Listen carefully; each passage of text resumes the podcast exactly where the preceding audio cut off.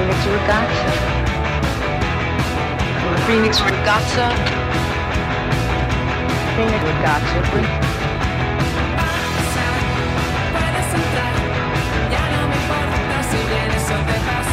Jone alaitzuri arte eta lurrola izolagea, eta hau, Fenix ragatza da.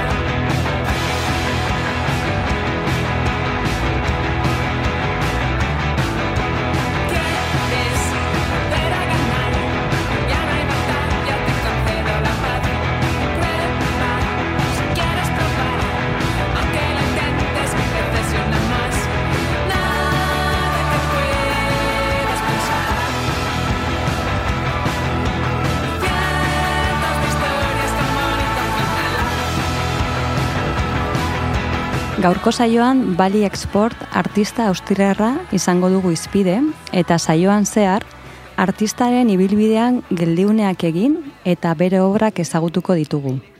Gaurkoan gainera, programa honen ohiko bi ahotsei, lurrei eta nire ahotsari, e, batuko zaizkion beste bi ahots izango ditugu. Programa honetako bidelagun berriak. Martimanen, eta alba baeza. Dakizuenez, Fenix Ragatza programan, artiza garaikideen lanak era monografikoan berrikusten ditugu. Soinuen eta hotzen arteko topaketa horretan, lanak modu polidrikoan aztertuz. Garaian, garaiko beste artista eta eragileen testu inguruan jarriz, eta ikusizko saiakeratik, entzute aktibo baterako gonbite eginez. Lehen programan, Moira Davy artistaren lana berrikusi genuen, eta oraingonetan, Bali Export artistaren gan jarriko dugu fokoa. Gainera, aurreko saioan, e, sakonektako gure lankide kepa eta ionek kontatzen ziguten bezala, guk ere Susan Sontaken interpretazioaren aurka saiakera pixka bidelagun izan da, Bali Exporten obrari, ba, modu erotiko batean, hurbiltzeko saiakera egingo diogu. Interpretazioak alde batera utziz, eta beste hurbilpen mota batzuk proposatuko ditugu. Bali exporten obra batzuk, egun tabakalerako zinex, gorputza eta arkitektura erakusketan daude ikusgai, eta urtarriera arte bizitatu ahalko dira. Bestalde, badiraan eta hemen bere ikusentzunezko lanak ardatzartuta egin zaizkion ziklo eta atzera begirakoak. Ala nola, tabakaleran, jijoneko zine jaialdian, malagako kaaken, Balentziako filmategian, edo Reina Sofia Museoan eta bar. Programan zehar entzungo dugun musika, Pinpilimpusiz bikotearen Fuerza Iru 2008ko diskoko abestiak izango dira. Abesti gordin eta zuzenak. Zentzu batean, bali exporten lanarekin ere bate egiten dutenak. Eta sarrera honetan ere, Alberto de la Ozi gure eskerrak eman nahi dizkiogu edizio lanetan eman digun laguntzagatik. Dakizuen bezala Basilikako saio guztiak entzuin gai daude basilika.eus weborrian, baita podcast plataforma guztietan ere.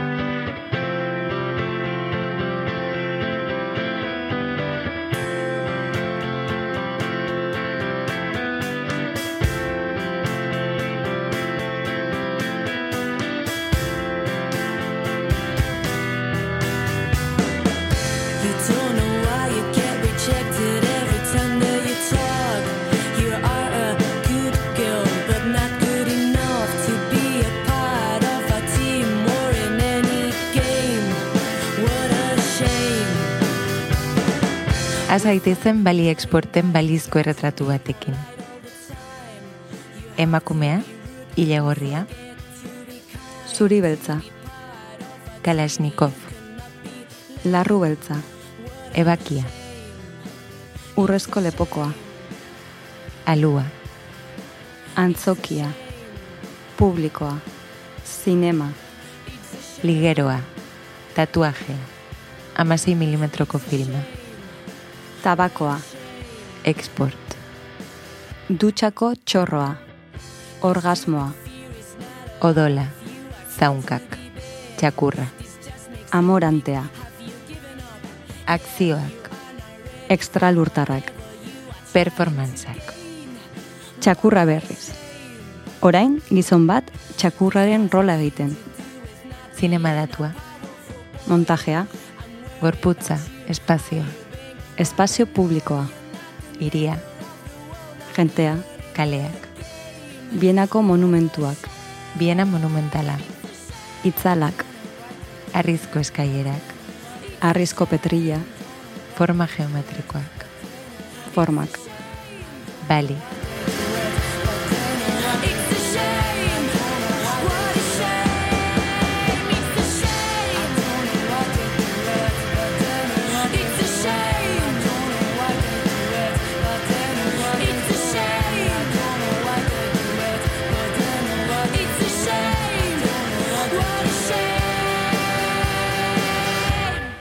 Mila beratzireon da eta sortzi garren urtean, Munitzeko zine porno batera emakume bat sartu zen. Goitik behera, larru beltzez jantzita zijoan. Galtzetako hankatartea mostua zeraman eta alua biztan. Metraieta bat zeraman.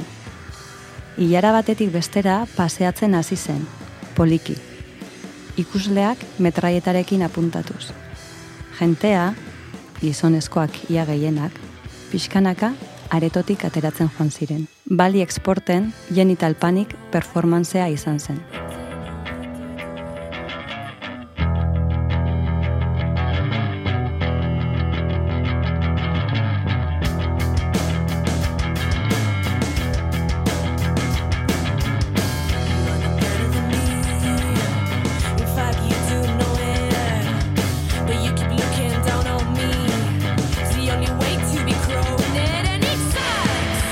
Eta jone kontatu duena ikaragarri erakargarria izan, nahiko mitifikatuta dagoen gertaera dela esan behar dugu. Artistak, amarkadak ondoren elkarrizketa batean esan zuenaren arabera, benetako gertakariak honakoak izan ziren. Mila bederatzireun da irurogeita zortzi urtean, Munitzeko zine esperimental areto batean zinegile esperimentalak beraien obrak erakusten ari zirela, emakume bat sartu zen. Galtzetako hankartea moztuta zeraman eta lua bistan. Ilara batetik bestera paseatzen hasi zen artista. Bera, bali export zen, eta performantza genital panic.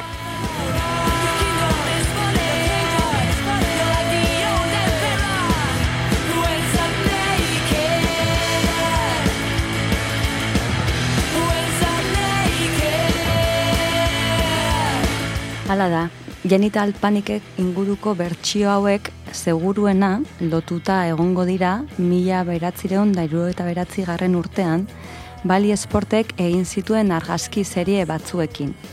Argazki serie honen tituloa Action Pants Genital Panic izena zeraman, eta txuribeltzean eta Peter Hasman argazkilaria bienan egindakoak izan ziren. Argazkian, Bali Export azaltzen da hankatartea moztuta daukaten galtza batzuekin eta metraieta bat eskuan daramala. Egia esan oso irudi potentea da. Nolabait bere alua eta metraieta simbolo falikoaren arteko kontrastea sortzen dute.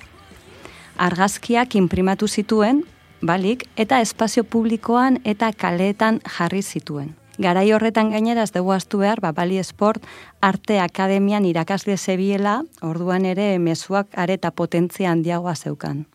Argi geratzen ez zaiguna da jendea eserita geratu ote zen edo publikoak alde egin ote zuen. Baina egia dena da bali exporten lehen etaparen inguruan konfusioa dagoela. Asko harritu gea ikerketa egiten ari ginela, baina liburu batean baino gehiagotan kontatzen da e, performantzaren inguruko mitoaren bertsioa, ez? Hau da, zine porno bat zela, metraietarena, eta klaro, asko harritu gaitu gero ikusteak, nola bali exportek berak ez ez du duen behin eta berriro, hori izan zela benetan gertatu zen performantza, ez? Bai, gainera berak esaten du ba, garaian oso punkia zela, baina etzela horren besteko punkia, ez? Hau egiteko adina punkia etzela. Baina, bueno, lurrek e, adierazten zuena e, apuntatzea uste dugu garrantzitsua dela, E, honek ere esan nahi duelako, ba, bueno, e, emakume austriar honen lehenengo performanceak izan zuten eragina, ba, bueno, ez zirela garaian olako, olako handiak edo izan ez, eta horregatik, ba, bueno, gaur egun ere kontatzen dena, ba, bueno, zelabait kontatuta eta zelabaitera heltzen zaigula, ezta? Bali esportek e, beti esa, esan du, ba, bueno, berari oso kasu gutxi egin, egin zitzaiola edo egiten zaiola. Eta hau ba bueno egosten dio ba emakume izateari ere. Eta batez ere ba garai hortan e, 60garren hamarkada bukara hortan biena moduko hiri baten ba bueno artista emakume bat izateari, ezta? Nik uste dut ere interesgarria dela, pixka bat e, performantzaren erregistro edo dokumentatze prozesuaren inguruan hausnartzeko, ez? Aurrerago egingo dugu honen inguruan, baina azkenan hori da, ez? Agian mitoa edo nasketa hau benetan gertatu zena eta asmatzen den bertsioaren inguruan agian esan dugu dela justu ba argazki batzuekin lotzen delako, ez? Claro, ze kasu honetan antzoki horretan gertatu zenaren erregistro realik ez dago. Ez dago ez argazkirik, ez dago ez bideorik, orduan, bueno, bat estigantza horiek bakar geratzen zaizkigu.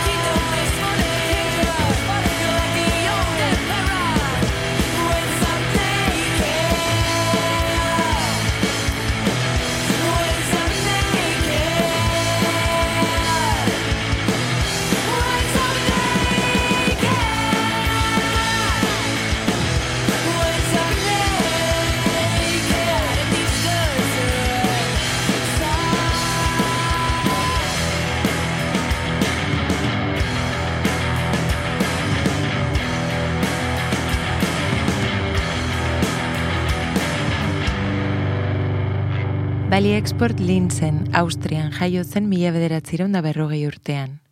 Waltraud Lechner izena zuen eta eskondu zenean Waltraud Hollinger izatera pasa zen. Urte bete bakarrik iraun zuen bere ezkontzak, eta alaba bat izan zuen. Bali Esportek linzeko arte eta lanbide eskolan ikasi zuen, eta pintura, marrazketa eta diseinua ikasi zituen Bienako eungintza industrialeko eskola nazionalean. Denbora laburrez gainera, zinema industrian lan egin zuen, ba, lanola script girl, muntatzaile eta extra gisa. Dibortziatu eta gero, lurrek esan duen bezala, ja, alaba batekin, eskolara itzuli zen Bali Export. Dagoeneko ja bere bizitza, bere bizitzan eskema batzuk puskatu zituen. Izan ere, alaba bat zeukan eta emakume dibortziatua zen. Garai horretan eta Austriako testu inguru zurrun horretan etzen gauzarik ohikoena. Beraz, honetan ere Bali Export bide urratzailea izan zen. Bai, eta jona aipatzen dezun testu inguru horretan pixka bat e, atentzioa jarriz, noski Bali Exporten lanaren garrantzia eta urgentzia ulertzeko ondo dago garaiko testu ingurua ondo ezagutzea, ez? Hau da, berrogeita marrirurogei garren amarkada horretan kokatuko dugu gure burua, bigarren mundu gerra usteko Austrian, ez? Zer gertatzen da hor, azkenean, nazismoarekin kolaboratzaile izandako herrialde bat aurkitzen dugu eta horrek dakarren kulpa. Aldi berean eskumako alderdi politikoak gobernuan zeuden, beraz katolizismo espiritu zorrotza eta etika puritanoa edatzen ziren Austrian. Bienako giroa errepresiboa, depresiboa, kontserbadorea eta patriarkala zenez, beraz horregatik ere bali exporten garrantzia eta indar puskatzailea. Estena kulturalari dago kionez, mila bederatzireun da irurogeian bienan artista talde ezberdinak zeuden. Biener grupe izenekoa literaturarekin lotuagoa, zinegile esperimentalak eta bienako akzionistak. Bienako akzionistak dira agian e, talderik e, bueno, e, ezagunenak, ezta? E, mugimendu hau izan zelako bagaraian iraultzaile eta nabarmenena. Bertako kide izan ziren besteak beste Herman Nietzsche, Gunther Bruce eta Otto Mull. Eta arte historia liburuetara pasadira, ba, bueno, batez ere bere istilu eta izkan bilengatik. E, naiz eta gaur egun talde bezala irakurtzen ditugun, egia da beraiek ez zituztela beraien buruak talde bateko kide bezala inoiz kontsideratu. Hori esatea ere garrantzitsua da. Artista hauek konbentzionalismo orotatik libre zeuden nortasun bat landu zuten, e, taburik gabeko enkonformismo bat. E, nolabait esatearen norberaren larruan bizitako performance edo pentsamendu azkea e, egiten zuten, sortzen zuten edo sinisten zuten. Orduan performing my time bezala ezagutzen dena. Bienako akzionista hauek pinturatik zetozen, baina Jackson Pollokek action paintingarekin inauguratu zuen margotzeko era horretaz kolpatuta, mihisea baztertu eta margotzeko era basatiago zuzenago eta gordinago bati ekin zioten. Esan genezake Ameriketako estatu batuetatik zetorren ekspresionismo abstraktuak eragin handia izan zuela Austriako talde honen gainean. Eta guztiok dakigu espresionistek zerioten maskulinitate gaindosia. Labur esan da, e, taldeak gorputz praktika provokatzaileak eta fetitxistak egiteagatik nabarmendu zen. Izaera aldarkorrarekin, gorputzaren erabilera gordinarekin, eta sexualitateari garrantzia emanez, gorputzeko eta adimeneko eremu ez ezagunak esploratzen zituzten masokismoak, nartzisismoak eta ekintzen indarkeriak helburu bat zuten. Gorputz mugetatik eta muga psikikoetatik askatzea. Bestalde, artearen eta artistaren ikuspegi tradizionaletik erabat aldendu nahi zuten, eta nola ez, ba hori oso sistematik at egiten zuten lan, eta oso, oso izaera, edo oso jarrera kritikoa, kritikoarekin egiten zioten aurre sistema orori. Bere referentzia batzuk aipatzearren ez, e, nik uste dut Freud, Jung eta Reich, teoria psikoanalistek e, garrantzia handia izan zutela beraien lanetan, baita Egon Xile eta Oskar Kokoska bezalako artistek, baina baita aldi berean ba herrito paganoek, ez, jai herrikoiek, antzerki futuristak eta eta antzerkita dadaistetan ere oinarritu zen askotan beraien lana, ez?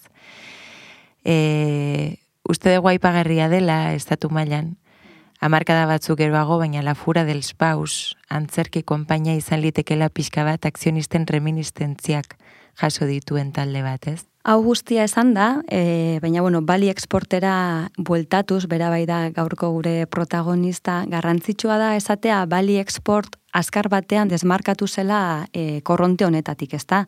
Bienako akzionisten aurka agertu zen bali export, ba, izan ere, akzionisten e, destroyer taktika hauek ba, e, e, ez zituen gustoko, ez? Oso, oso maskulinotzat hartu zituen. Bali exportek jakin bazekien artista izan nahi zuela, e, eta bazekien ere pintorea ez zuela izan nahi. E, bere influentzia zuzenak, lehen e, lurrek aipatu duen bezala, ez? E, bueno, ba, dadaismoak ere e, atentzioa deitzen, deitzen zion, baita dadaistak egiten zituzten akzioak, baina dena den sekula etzuen orlenerako influentzia zuzenik e, izan bere lanean, e, influentzia da ikono guztiak oso maskulino eta oso indartsuak, oso autoritarioak zirelako. Beraz, bali export etzen batere eroso sentitzen figura horien e, lana edo, edo itzala jarraituz.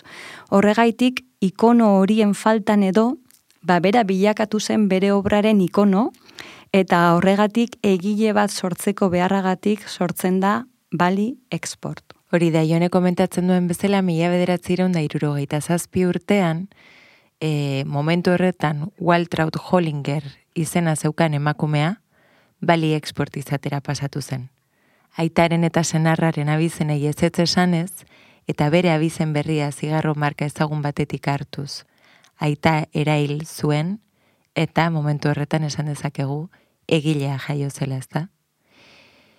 Mila bederatzirun da irurogeita zazpi eta irurogeita marbitarten egindako argazki serie batean, bali exporten izenaren jatorria ikus daiteke. Lehenengo planoan, zigarrok pakete bat ikusten da, eta atzean, bali export zigarro bat erretzen. Oso argazki potentea da ere baita. Bai, bai, oso argazki bai indartsua da, e, gure webunean sartuz gero, basilika.eu atarian, Feniz Ragatzaren atarian, badauzkazu ere, holan badaukazu argazki galeria bat, eta bertan bali exporten e, irudi eta argazkiak ikusi ditzazkezue. Baina pixkat, e, lurren komentatu denaren arira, egia da obra hau, bere lehen obra dena, bali export, oso obra potentea da, eta eta bera, bueno, bera ikur bezala, ez, hemen, hemen suertatzen da. Beraz, bueno, guazen pixkat izen horren atzean dago dagoena ikuskatzera. Bali, hemen feminitate ikurra izango litzateke, eta export mm, nolabaiteko keinu marketingianoa, ezta? E, export Austriako zigarro marka ospetsu batetik hartu zuen izena da. Exmart Export e, gure zigarro zelta horien e, antzerakoak izango lirateke, eta horrere, ba, bueno, ez, oso intentzionalitate argi bat agertzen du bali exportek e, dela generoen rola inbertitzea. Ba, bueno, orain honetan e, bali exportek egiten duena da e, berak eskaintzen dizkigu zigarroak, horrelako jarrera oso oldarkor eta, eta, eta potente batean, ezta? Berak dauka boterea eta eskuetan eskaintzen dizun zigarro paketeak gainera bere izena darama letra larriz jan, e, idatzia. Bali export. Bai, beste detaile bat gainera, zigarro paketeak logotipo manipulatua du.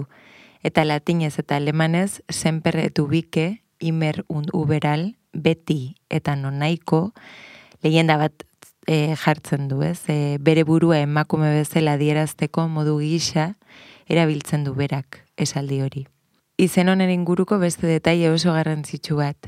Bali export beti maiuskula zidatzi behar da. Uste detonek ere asko esaten duela bali exportek egin zuen keinuaren inguruan, ez? Bai, zigilu batean bilakatu da gaur egun atelier bat dauka, e, e, estudio bat, eta zigiluan bertan igen jartzen du ba, atelier, bali export, letra larriz idatzita. Bai, entzun dezagun orain bali export kontatzen nola izan zen pixka bat edo zergatik e, hartu zituen bere izen eta identitatearen inguruko erabaki hauek. Bali war ein Nickname, das ich exportiere meine eigenen Gedanken. Oso pozik nago izenaren erabakiarekin, ze nire identitatea sortu nuen. Frustratuta nengoen, baina garai horretan feminismoak usten zizun aukeratzen nor zinen. Argazki bat egin nuen emakumezko artista giza, gizaki giza, nire ikuspegitik. Jendearen askatasuna ukatzen duten estatuaren arauen kontra joan behar zara. Horregatik, nire izena letra larriz idazten hasi nintzen. Nire burua zigilu bilakatu nuen eta zigilua marka erregistratu bihurtu zen. Hori bihurtu zen nire marka. Nire lanaren muina gorputza da, emakumearen gorputza gainera.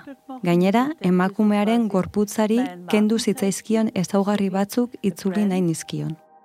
Bali exportek bera kontatzen duen bezala, ez? E, berak bere gorputzarekin egiten zuen lan eta praktika honek beste artista batzuen genealogian sartzen du Bali export. Aipatu genezake Adrian Piper edo Lydia Clark edo Karolish Niemann edo Marina Abramovich bera, ez? Azkenean artista hauek performantzaren alde egin zuten. Denek egin zioten uko pinturari, ze iruditzen zitzaien performantzak edo akzioek bazeukatela ba, esperimentatzeko beste aukera bat ematen zutela, ez? Bai, gainera Bali Esportek ere askotan esaten du garai hartan, iruro egarren amarka da bukaera horretan, ba, bueno, e, emakume artista bezala oso bakarrik sentitzen zela, ez? E, behintzat bere Austria arte estu inguru horretan, ba, zituela ba, artista feministak edo emakumezko artistak ezagutzen, ba, bueno, gorputzaren bitartez edo perfo eta akzioen bitartez artea egiten zenbiltzatenak. Eta beretako, ba, Karoli Ximan bezalako artista estatu batuarra ezagutzea eta bere obra e, ikusteak bai eman zion zentzua eta beste dimentsio bat bere obra propioari. Eta lur, zuk esan dezun bezala, nik ustot garrantzitsua dela azpimarratzea ez, e, nola emakume hauek, ba, bueno, bat ez azten dira akzioak eta eta performantzak egiten disiplina hauek benetan ematen dietelako aukerak tradizio batetik ez datorren disiplina artistiko bati edukia eta eta esanai berriak emateko aukera, ez da? Ez da aurrez pentsatuta dagoen eduki bat, ez dauka historiarik, ez dauka horrelako astutasun, ez da batere astuna, ez da? Eta esanai berriak emateko aukerak ematen dizkiete gainera, performan hauen bitartez eta bere gorputza e, erabiltzeko aukeren bitartez oso agerian uzten da gorputz emakume gorputza hauek nola izan diren baztertuak artearen historian zehar, markada san markada orduan oso era nabarian hautematen da emakumeek zer esan handia daukatela eta esateko nahi eta desia handia daukatela. Komentatuko dugu Bali Exporten beste akzio ezagun bat, honek tap un taskino izena dauka, hau ere mila bederatzireun da irurogeita sortzi urtean egin zuen, Kasu honetan, Bali Export kaleratera zen titiak tapatzen zizkion kartoizko kaxa batekin. Kartoizko kaxak zinareto baten maketa zirudien, eta kortinak eta guzti zituen. Eta orduan Bali Exportek egin zuena zankaletik zebilen, jendeari bere zinera sartzeko eskaintze egiten. Noski, pelikula begiekin ikusi beharrean eskuekin ikusi behar zuten ikusle hoiek, ez? Hau da, bi eskuak kaxan sartu eta horra aurkitzen zutena ikutu. Horregatik touch kamera izenburua. Bali Export gainera ez zegoen emakumez jantzita, feltrozko jantzi bat batekin zijoan, eta gizonezkoen begiradan nolabait kastratzen zuen, ez? E, ez zegoen erotismorik akzioan. Bai, hau ere nik uste dut irakurri behar dela dena ere oso ikuspegi freudiano batetik, ez? E, bueno, ere ez dakit, e, nahi dut pentsatu ba, garaian bere irakaspen horiek ere ba, oso boladan egongo zirela, eta hori kastratzea, nena ez kastratzea, Bai. begira erotismoa ere uste dut ba, oso boladan zeuden terminoak zirela. Eta hori da, ba, e, komentatu desun bezala lur, akzio hau lehenengoko aldiz bienan egin zuen, eta e, akzio hau egiteko garaian ba, lagun gizonezko batekin zijoan. E, gizonezko honek, ba, bueno, altabos batekin gonbitea egiten zijoan, ba, bueno, e, jendeari, kalean pasiatzen zeude, zegoen jendeari, eskuak sartu eta eta titiak iku, e, ikutu, ikutu zitzaten. E, egia da aurrerago Munik eta Kolonian ere egin zuela akzio bera, baina aldaketa txiki batekin. Oraingo honetan Bali Export bera zen megafonoaz e, e, zijoana eta bere lagun Erika Misek zeraman kaxa bere, bere gorputz gainean. Baina aldaketa txiki honekin e, akzioaren irakurketa guztiz aldatu zen batez ere jendeak publikoak nola irakurri zuen akzio hau. Izan ere, ba, bueno, bi emakume izatean askok ja prostitutzatat eh, hartu zituzten eta irainak jaso zituzten. Garai hartan, lehen komentatu dugun bezala, guzti zonargabeak ziren, ez da, gizarte itxia zen, nahiko puritanoa, eta emakume batek egin beharko lukeenaren justo beste aldean zegoen bali esportek akzionekin egin nahi zuena. E, emakume hauen rola, ba, bueno, oso provokatiboa zen, baina maskulinitateak egiten zuen ura soilik ez zuten seinalatzen. Hori da, espazio publikoaren eta kalearen garrantzia, ez? Bali Exportek oso garbi zeukan ez galerian edo museoan erakusketarik egin nahi, baizik eta berak benetan provokatu eta horrelako akzioak kalean egin nahi zituela, benetan jendearen ganaino era zuzenago batean iritsi ahal izateko, ez? Bai, hori da, e, berak elkarrizketa askotan esaten du, ba, bueno, zu museo edo arte zentro batera edo galeria batera sartzen zaenean, ba, bueno, ja, jarrera batekin, ez, sartzen zaela. Kalean aldiz, ba, horrelako akzioa topatzen desunean zure mutura aurrean, beste moduko jarrera bat daukazu, askoz ere, askeagoa, askoz ere, lelengoko reakzio bat da, ez? Eta berak, ba, zuk azpimarratu desun bezala, e, publikoaren jarrera horretan eragin nahi zuen, zuzenean eragin. Horregatik beti kalea erabili du espazio publikoa, ba, bueno, bere akzio eta performantza garatzeko espazio bezala.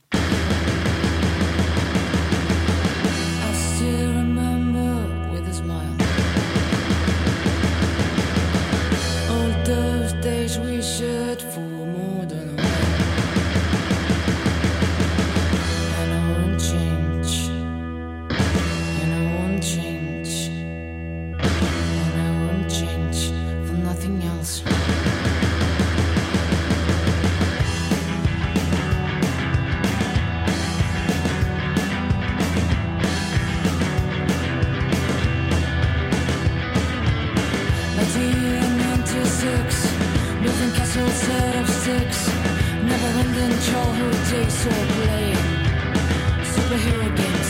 It could be the enormous monsters. I could fight the strongest ones. Run me against the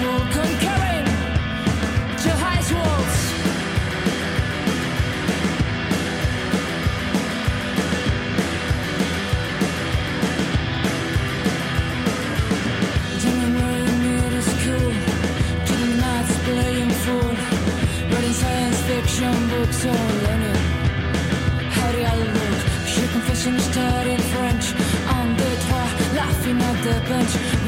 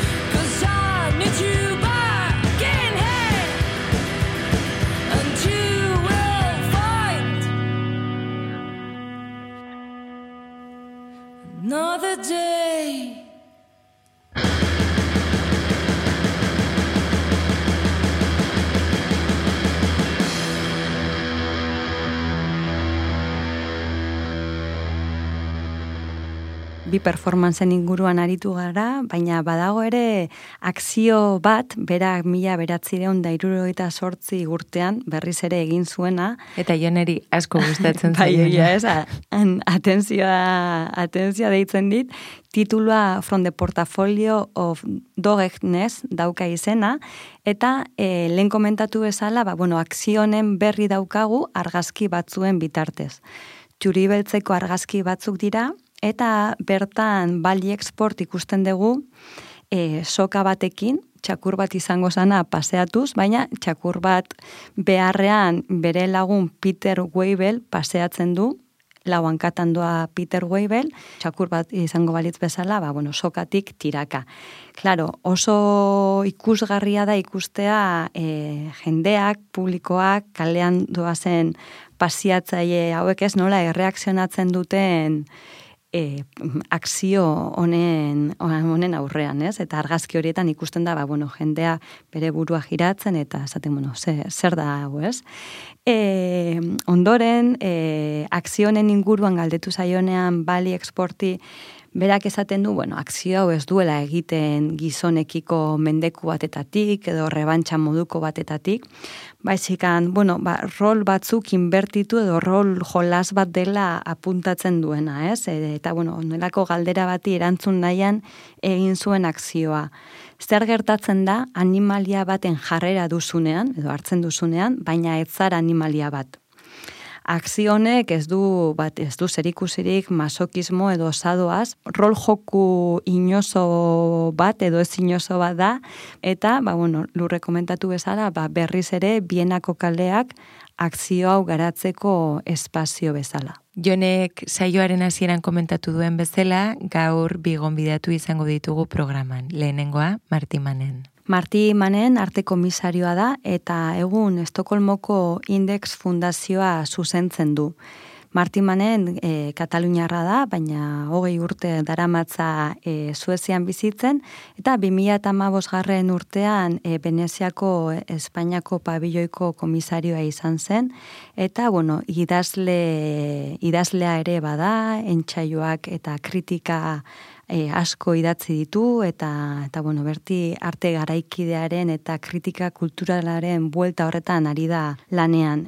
Marti Manenek 2008 garren urtean Bali Exporti erakusketa bat e, dedikatu zion Estokolmoko Index Fundazioan eta ikusita ba, bueno, Bali Exporten lana oso ondo ezagutzen duela, gonbite egin diogu Bali Exporten obra guztien artean bat aukeratu eta esateko zergaitik aukeratu duen eta batez ere ba, bueno, testu inguruan jarri eta obra, obra hori zuekin guztiekin konpartitzeko.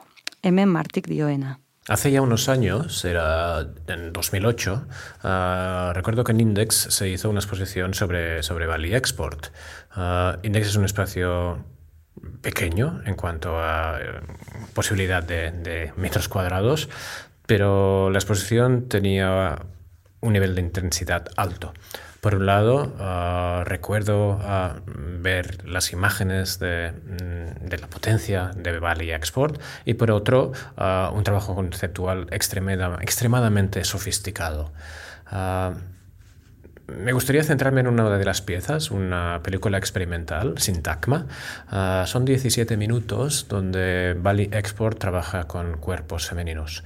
No es su cuerpo, sino que es el cuerpo de una actriz y es la relación con el espacio, la relación con, con- el espacio urbano, con los modos de funcionar.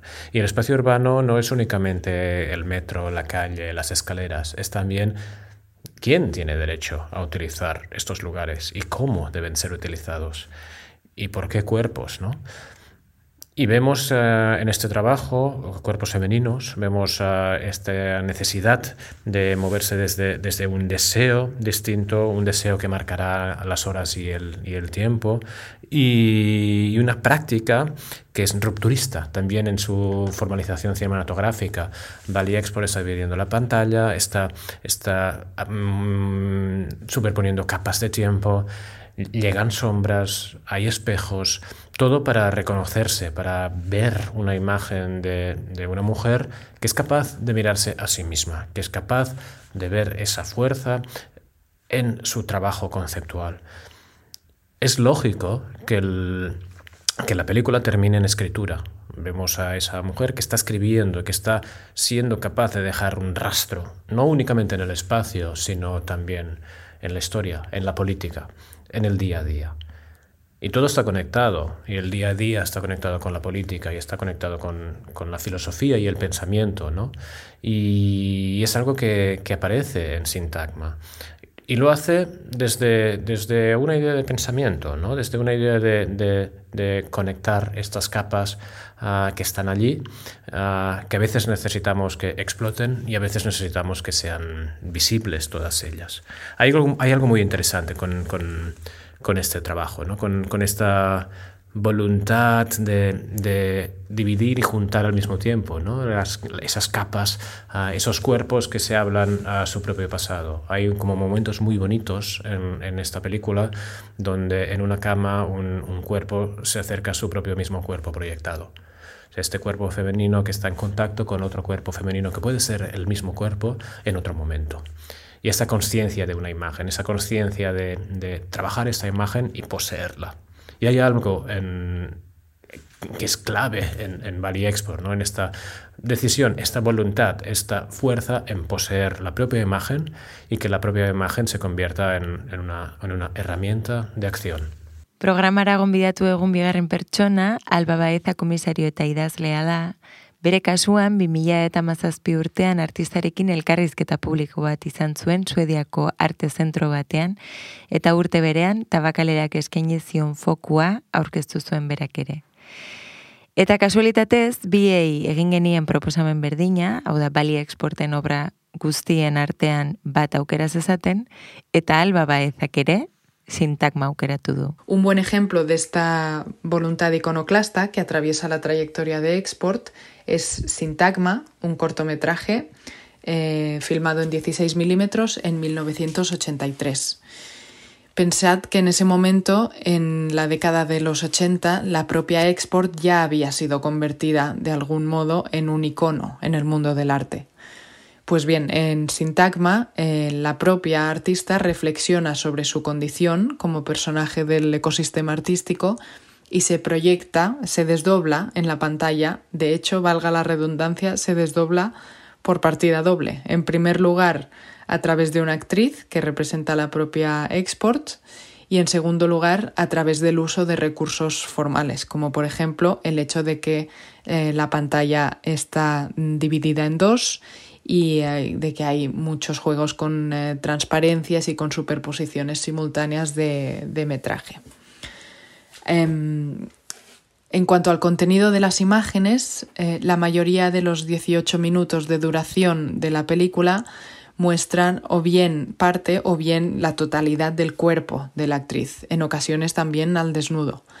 Y eh, esto se inscribe sin duda en una de las líneas ya trabajadas anteriormente por la artista, que es la de tomar posesión de la propia representación, eh, de cuestionar el hecho de que a lo largo de la historia del cine y el audiovisual los cuerpos femeninos hayan sido representados en la pantalla mayormente desde la mirada masculina, es decir, que hayan sido filmados por hombres mayormente blancos y posiblemente heterosexuales. A través de eh, las acciones mencionadas y también de su producción fílmica, Bali Export reivindica el derecho a poseer la propia narrativa y a través, por ejemplo, de Sintagma nos invita a acompañarla en un ejercicio de autoexploración y de cuestionamiento del carácter icónico del cuerpo femenino en la pantalla.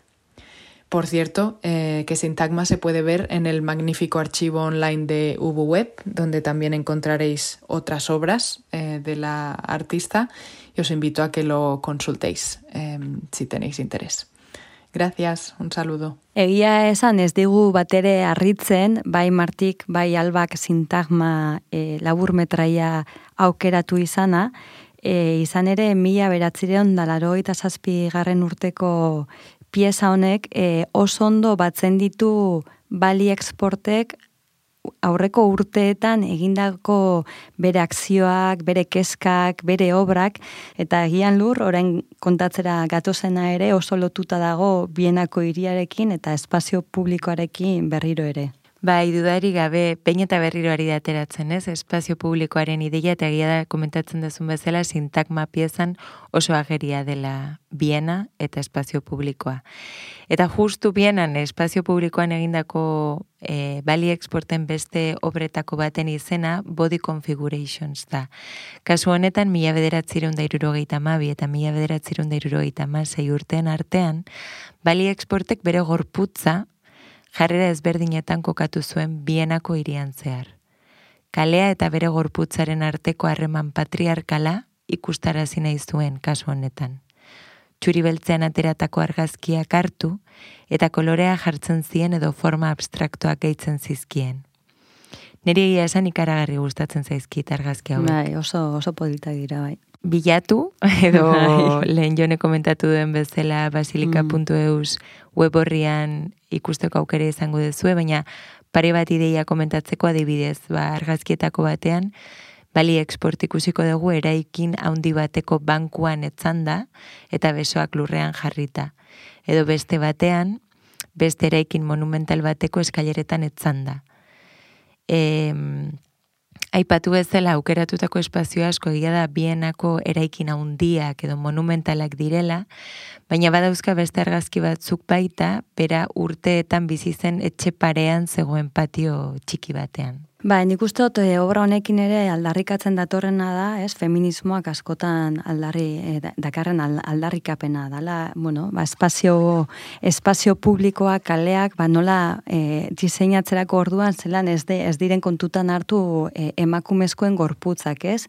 Eta bere gorputz organiko borobil formadun hori kontraste handiak sortzen ditu, ez? E, ikusten ditugu arrisko banku horrekin, petril gogor horiekin, eskalinata amaigabeekin, zu komentatzen dezun biena monumental horrekin, ez? Eta oso kontraste nabaria agertzen da, ba, gorputzaren bai, forma, ba, bueno, arkitektura imperial eta gogor horren kontra.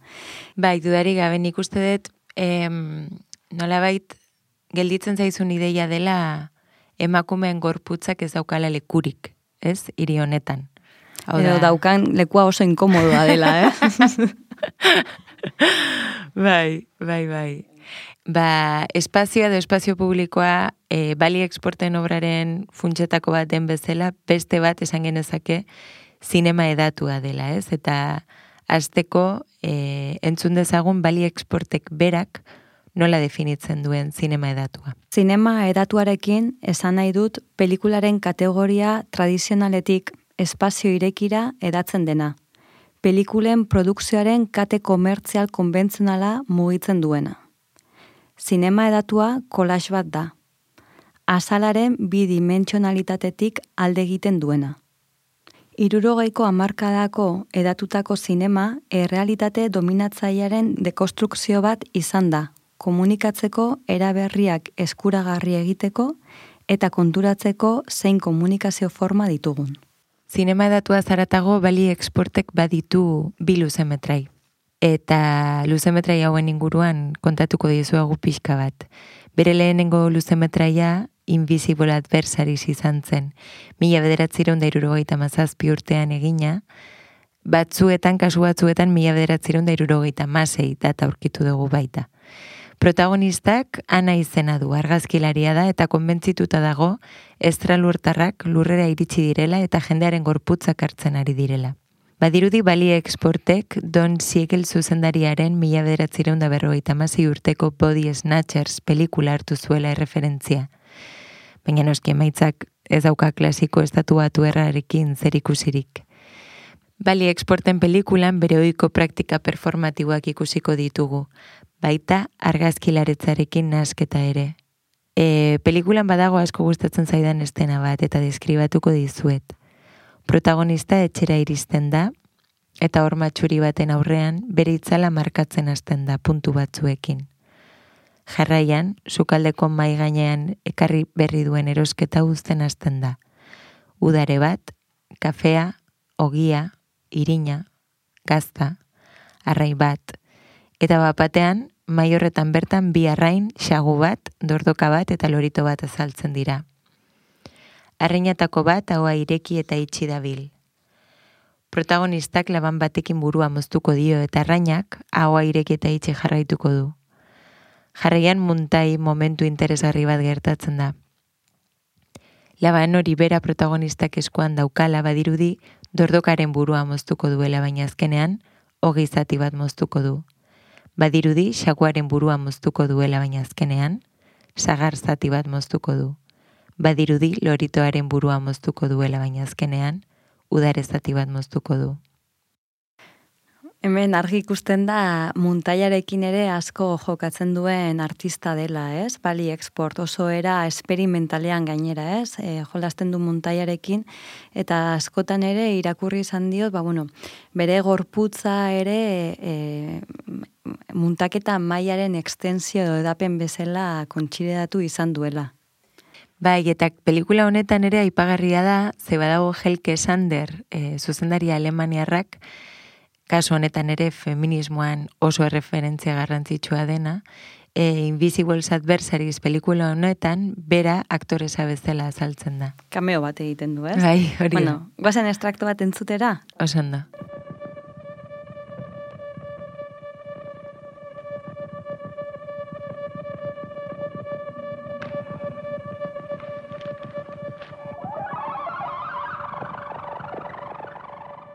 Nein, das ist kein Unsinn. Sie schlüpfen die Körper der Menschen und verändern von dort aus deren Geist.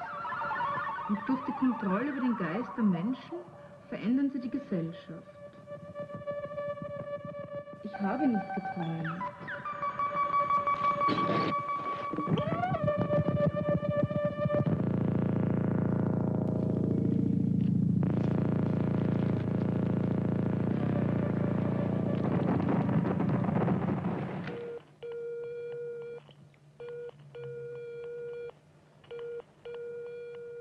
Bali exporten beste luzemetraia, The Practice of Love izenekoa da. Kasu honetan, mila bederatzireun dalaro bost urtean egina, agian bere lan ezagunenetako bat da pelikula hau, eta oraingo honetan protagonista Judith da. Bere bi maitaleak implikatuta dauden krimen bat ikertzen ari den kazetaria. Berlinale jaialdian estrenatu zen.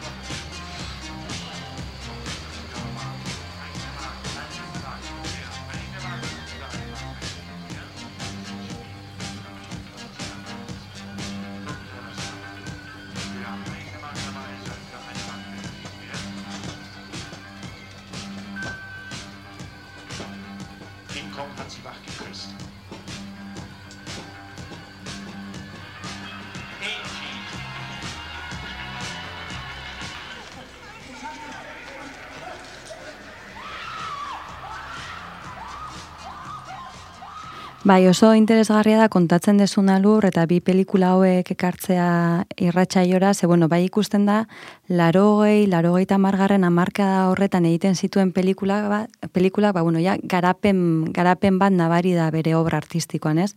Irudi sortzaile bada, ez da? Bai, export, bai, bai, dudarik gabe. Neri ere oso grabatuta gelditu zait, e, Invisible Adversaries pelikulan adibidez, badago momentu bat, kaletik doala eta badaude bi tipo, e, ispilu bat daukatela zintzilik beraien bizkarrean, ez? Bueno, pues es que irudie hori oso Bai. berezia da, eta Mhm. gelditzen zaizuera bat Mhm. markatuta, ez? Eta Bai. uste dut gaitasun hori daukala bali exportek azkenean, sortzen dituen irudiak oso errez gelditzen zaizkizula buruan. Mhm. Bai, eta bueno, baia pixkat e, bukatzen joateko eta agian, ba, bueno, saioan zehar aipatu ditugun hainbat ideia berreskuratzeko, E, nik uste ere interesgarria dela, ez, balen kontatu dugu bazelan akzio hauek egiten zituen, eta bueno, batzu registratu dira, eta beste batzuk ez, eh?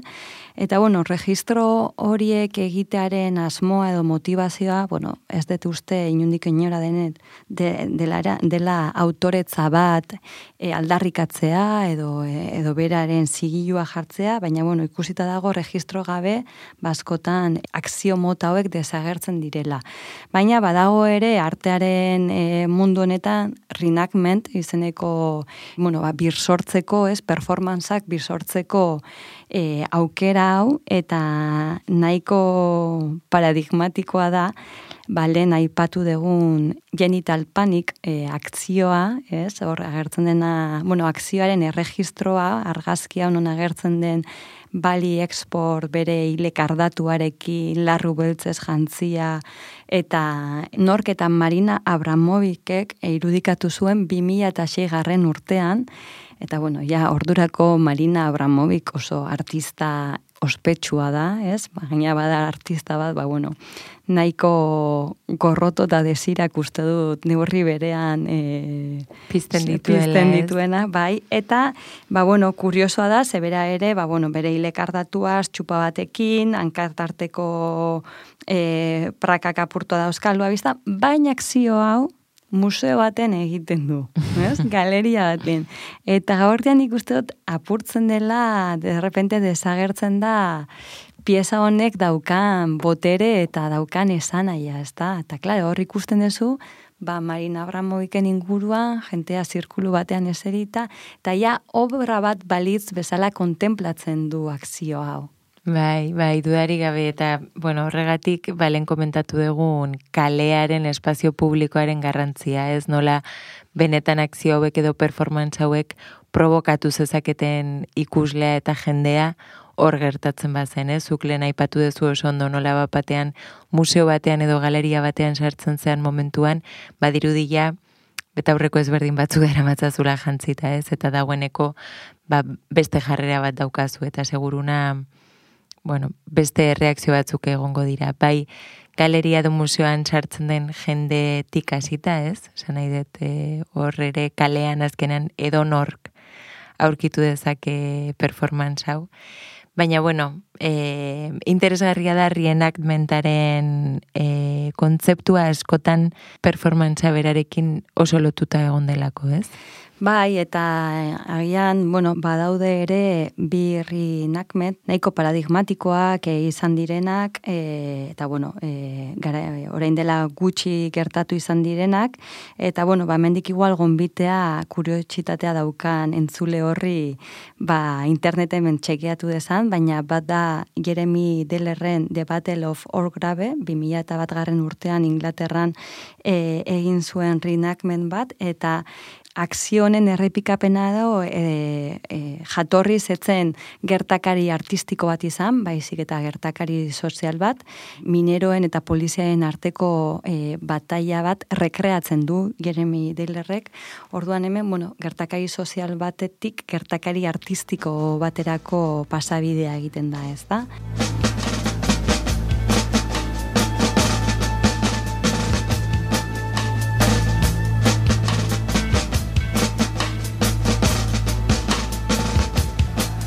Eta orain gutxi e, Dora Garziak e, ere Oscar Masotaren El helikoptero, segunda vez e, lanaren rinakmenta egin zuen. Bai, ez, kasu honetan hori Oskar Masotaren japenina edo an- anti-japenina, horrela esaten zion berak, ez performantza, mila beratziron da zei urtean egin zuen, eta komentatu duzun bezala, Dora Garziak 2008 urtean egin zuen el helikopteroren reenactmenta. Kasu honetan Dora Garziak urte batzuk eranduago segunda vez izeneko luze metraia e, argitaratu zuen edo edo publiko egin zuen eta el helikoptero e, pelikula honen zati bat da. Ez Mhm. orduan baita polita ikustea nola bapatean akzio bat, ez? E, reenactment bat bihurtzen da, baina reenactment hori gero agian pelikula.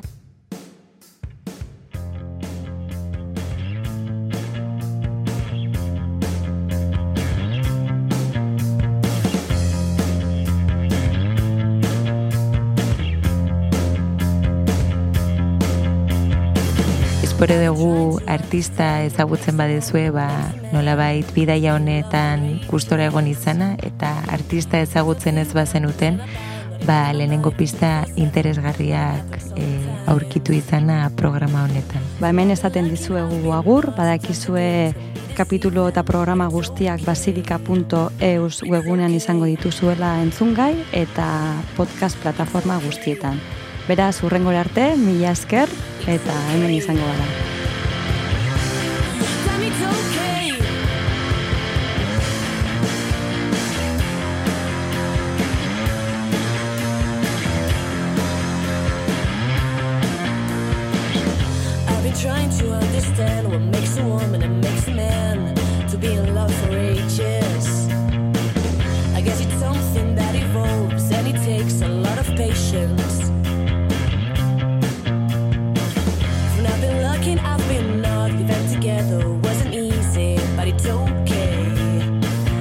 Okay.